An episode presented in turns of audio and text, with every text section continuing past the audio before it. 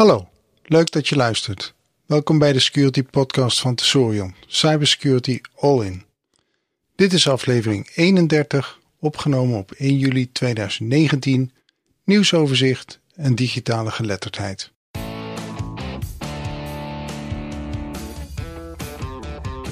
In deze aflevering noodmeldingen, ransomware in the city, KTDI Passport App en het thema digitale geletterdheid.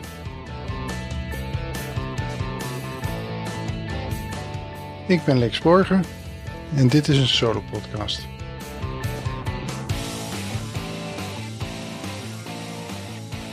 Voordat we echt de podcast induiken, even een huismededeling. De podcast is nu aan het verhuizen naar de tesorium.nl website. Alle nieuwe afleveringen van de podcast zullen hier verschijnen. Vanaf nu is het mogelijk om ook te abonneren op de RSS-feed vanaf tesorium.nl. Ja, we hebben hier maanden op moeten wachten. Ik zal het niet helemaal uitleggen, maar het is best wel lastig als je een uh, veilige website wilt opzetten en tegelijkertijd uh, iets dynamisch als een podcast daarin wilt introduceren. Als je dat dan nog eens doet in je eigen vrije tijd, dan, uh, dan gaat er gewoon veel tijd overheen.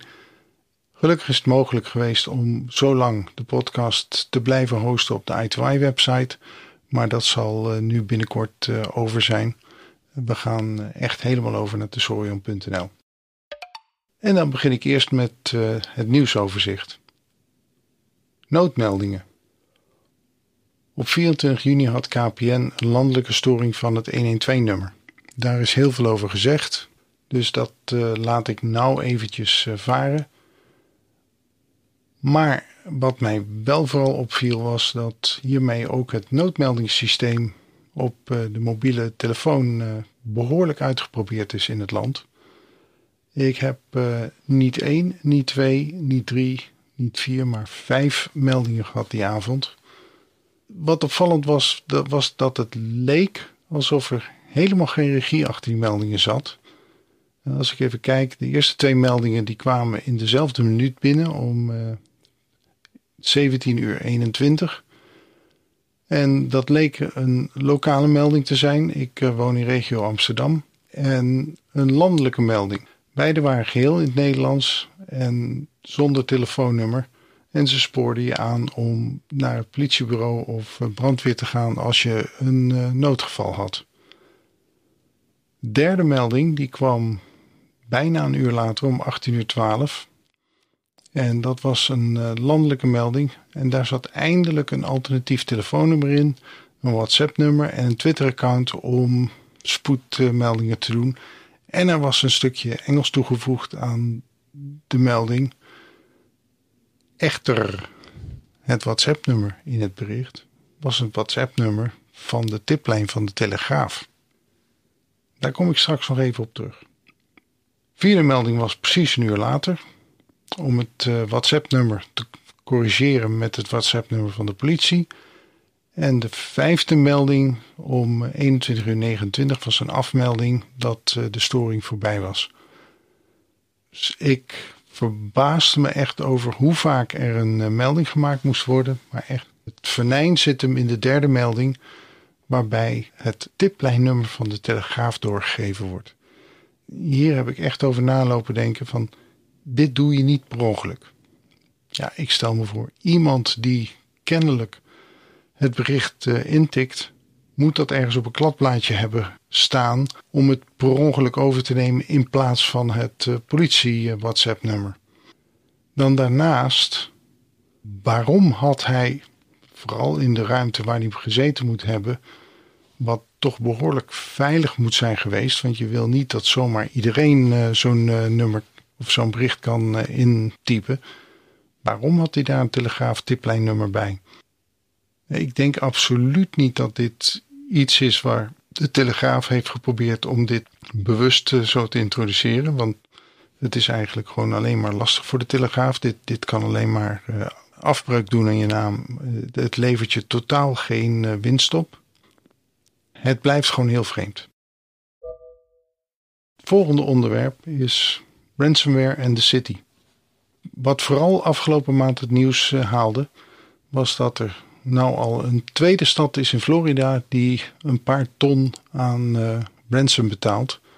Het lijkt dus alsof het goedkoper is om ransomware af te kopen dan dat het is om uh, je goed te beschermen tegen de ransomware. Of dat men er gewoon nog steeds niet aan toegekomen is om een adequate bescherming te bouwen tegen ransomware. Dus ik lees even een klein stukje voor uit het uh, bericht wat ik uh, aanhaal in de show notes.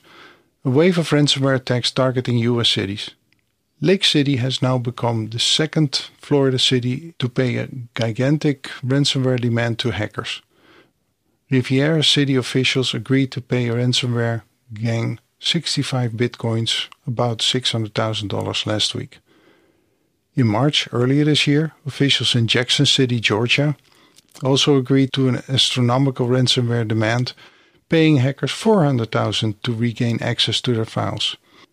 A report by the US cybersecurity firm Recorded Future published in May highlighted a spike in ransomware attacks targeting US cities. Previous victims include Lynn, Massachusetts, Cartersville, Georgia and Baltimore, Maryland, just to name a few. En hier zitten dus geen uh, kleine jongens tussen. Baltimore is een gigantische stad. Maar de, de meeste andere steden zijn toch wel weer de kleinere steden maar ook in de Verenigde Staten, kleinere steden zijn nog steeds gigantische bedrijven. Een paar jaar geleden waren alle ziekenhuizen en andere medische instituten aan de beurt. Kennelijk hebben die nou genoeg hun zaakjes op orde dat het niet meer zo loont om daarop te focussen. En wordt er nu uitgebreid gefocust op uh, steden. En waarom juist deze steden? Waarom uh, het lijkt allemaal te focussen op toch wel de oostkant van de Verenigde Staten voorlopig. En aan de zuidelijke kant zelfs van de oostkant. Geen idee hoe ze de infecties doen. Wellicht via watering holes die misschien een zwaar gewicht hebben die kant op. Of misschien zijn het gewoon uh, toch ook weer attacks die van stad naar stad kunnen springen. Doordat juist deze steden natuurlijk ook weer contact met elkaar hebben. Het blijft me in ieder geval opvallen dat het moeilijk blijkt voor grote bedrijven om zich toch goed te weren tegen ransomware attacks. Dat we privé hier uh, niet zo bestemd tegen zijn, kan ik me voorstellen. Dat je je bedrijfsmatig niet goed tegen beschermd bent, is volgens mij niet meer uh, droog te houden. KTDI Passport App. Ik las een interessant bericht initieel op tweakers.net.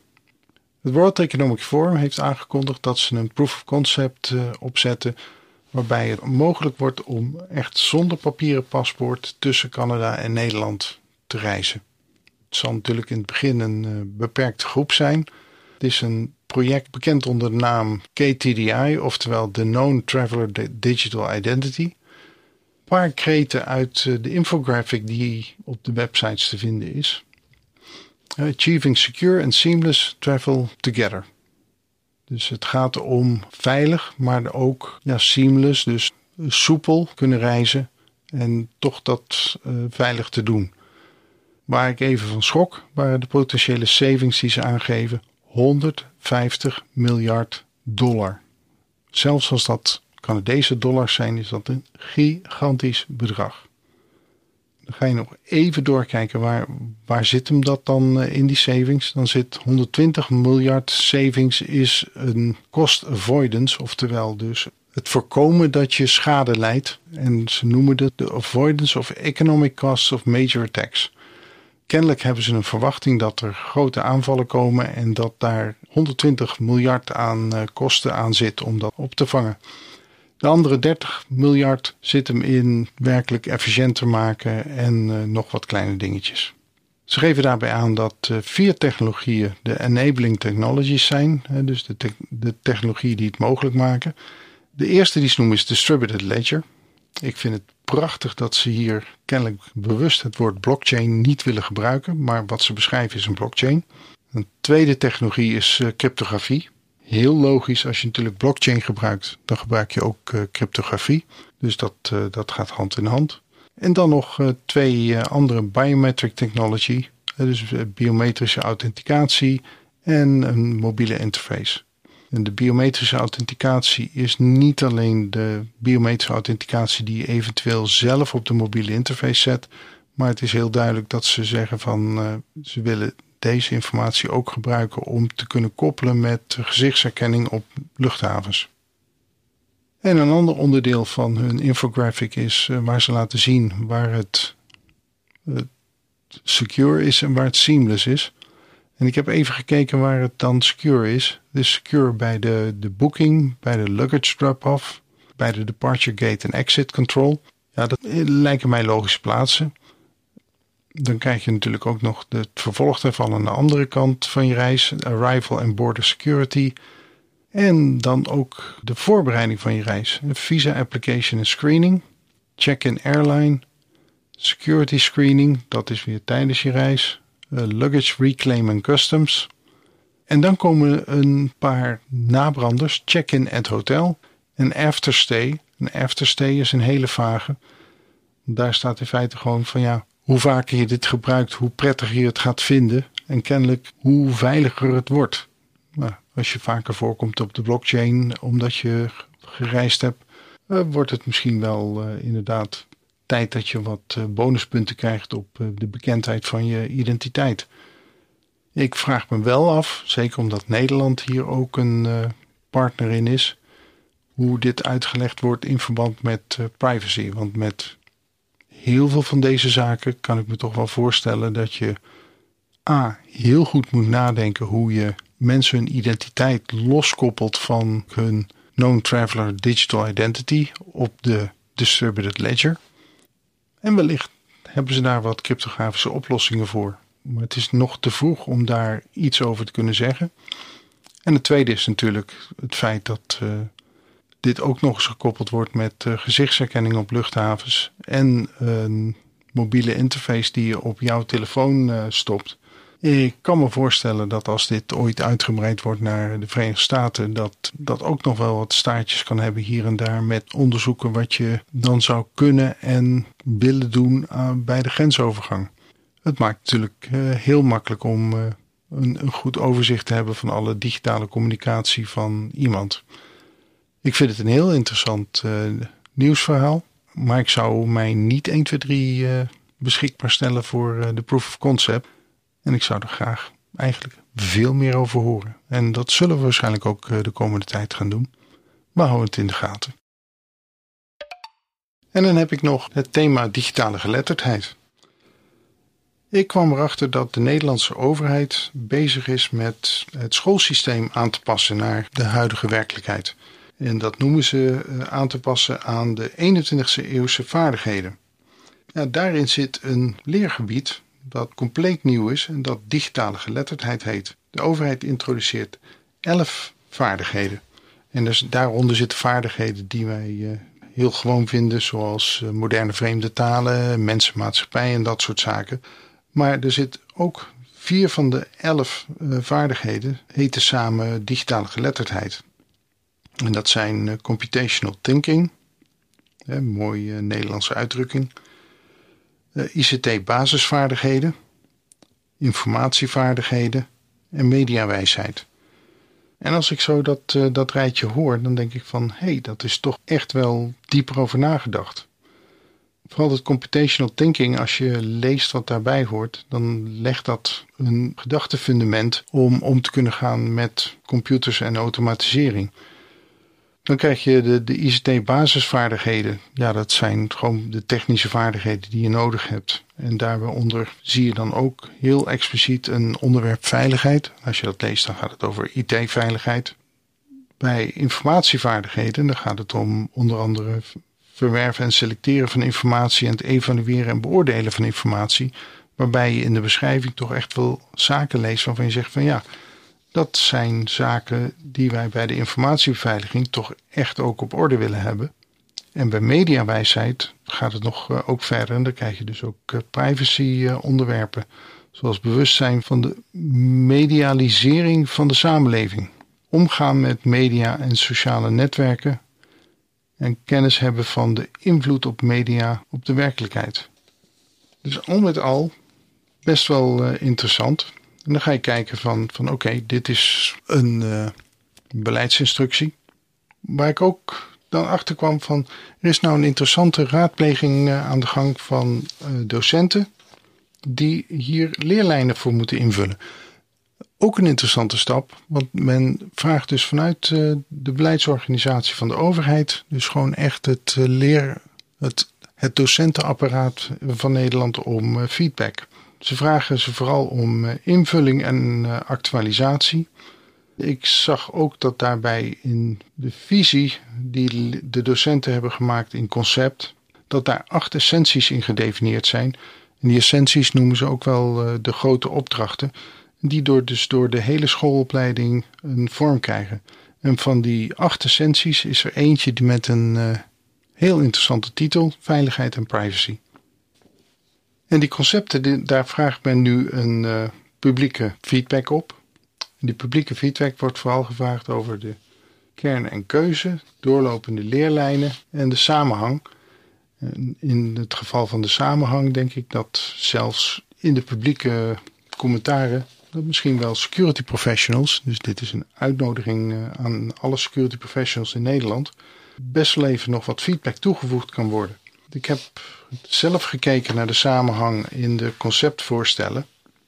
Dan kijk ik eventjes dus bijvoorbeeld, het begint met veiligheid in het primair onderwijs. En dan praten we over de onderbouw van het primair onderwijs. Dus uh, dat zijn dan groep 3, 4, 5 denk ik. En daar wordt onder andere gezegd, nou ja, kennis en vaardigheden, dat er online veilige en minder veilige omgevingen bestaan. Leerlingen worden verwacht te leren dat accounts verveiligd zijn met wachtwoorden. Dat het verstandig is om alleen te klikken op koppelingen waarvan ze de bron kennen en vertrouwen. En, dat, uh, en hoe ze moeten handelen als ze ongewenste content tegenkomen. Heel uh, nuttig. Ja, als je daar dan nog over na gaat denken dat als je uitlegt dat er online veilige en minder veilige omgevingen bestaan, denk ik dat het ook best wel makkelijk is om een analogie te maken met de werkelijkheid. Eh, dus eh, binnen en buiten beschrijven. En dat, dat kun je toch voor de meesten met een beleving van die weten van hoe internet en er een huisnetwerk is, kun je dat toch eh, makkelijk neerzetten. Ja, zo kun je toch ook een verschil maken tussen lokaal slash offline en internet slash online. Maar laten we zeggen dat dat kan toegevoegd worden in de uitwerking. Dan gaat de bovenbouw gaat er eigenlijk wat dieper op door. Waarbij, uh, ja, ik denk van dat is een mooie doorbouw. Je zou nog iets meer kunnen zeggen over misschien antivirus en het concept firewall introduceren. Wellicht is dat voor primair onderwijs nog een beetje vroeg. Ik ben benieuwd wat jullie daarvan vinden.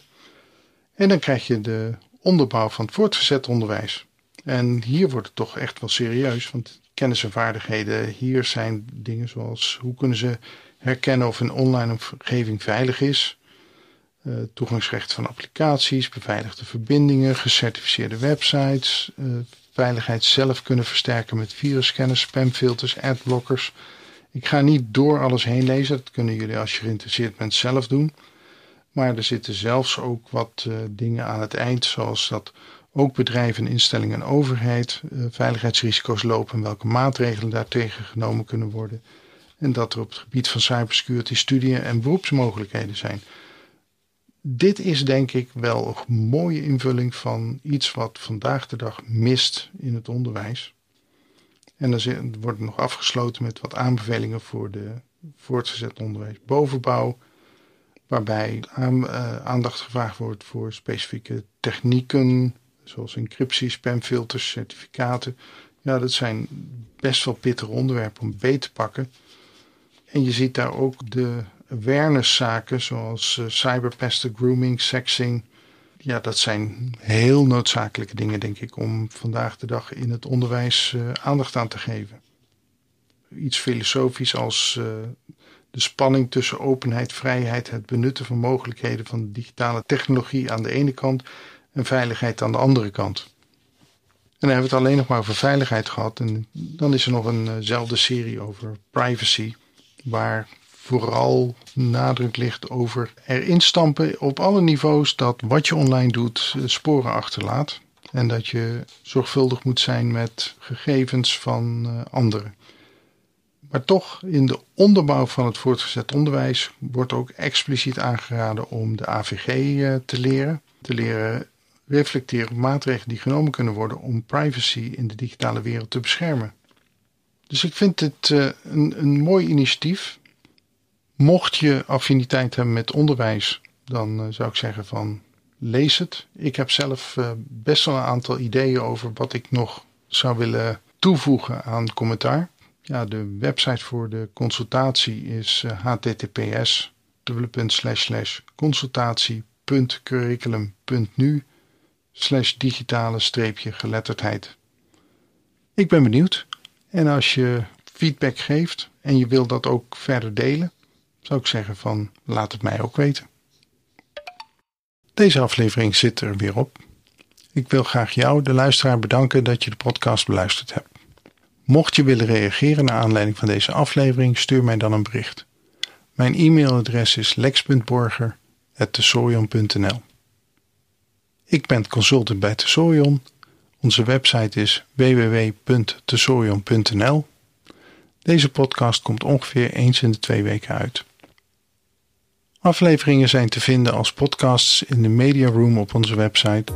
Je kunt je abonneren op de podcast via de feedlink https www.tesorion.nl feed podcast. Mocht je geabonneerd zijn op de oude i2i podcast feed, dan is in de komende weken toch wel uh, het verzoek van mij om dat om te zetten naar de nieuwe aflevering. Hier komen in ieder geval alle nieuwe afleveringen op. We zijn ook nog de oude afleveringen van plan uh, aan te gaan bieden. Het blijft nog eventjes een work in progress. En dan sluit ik hierbij af. Tot de volgende keer.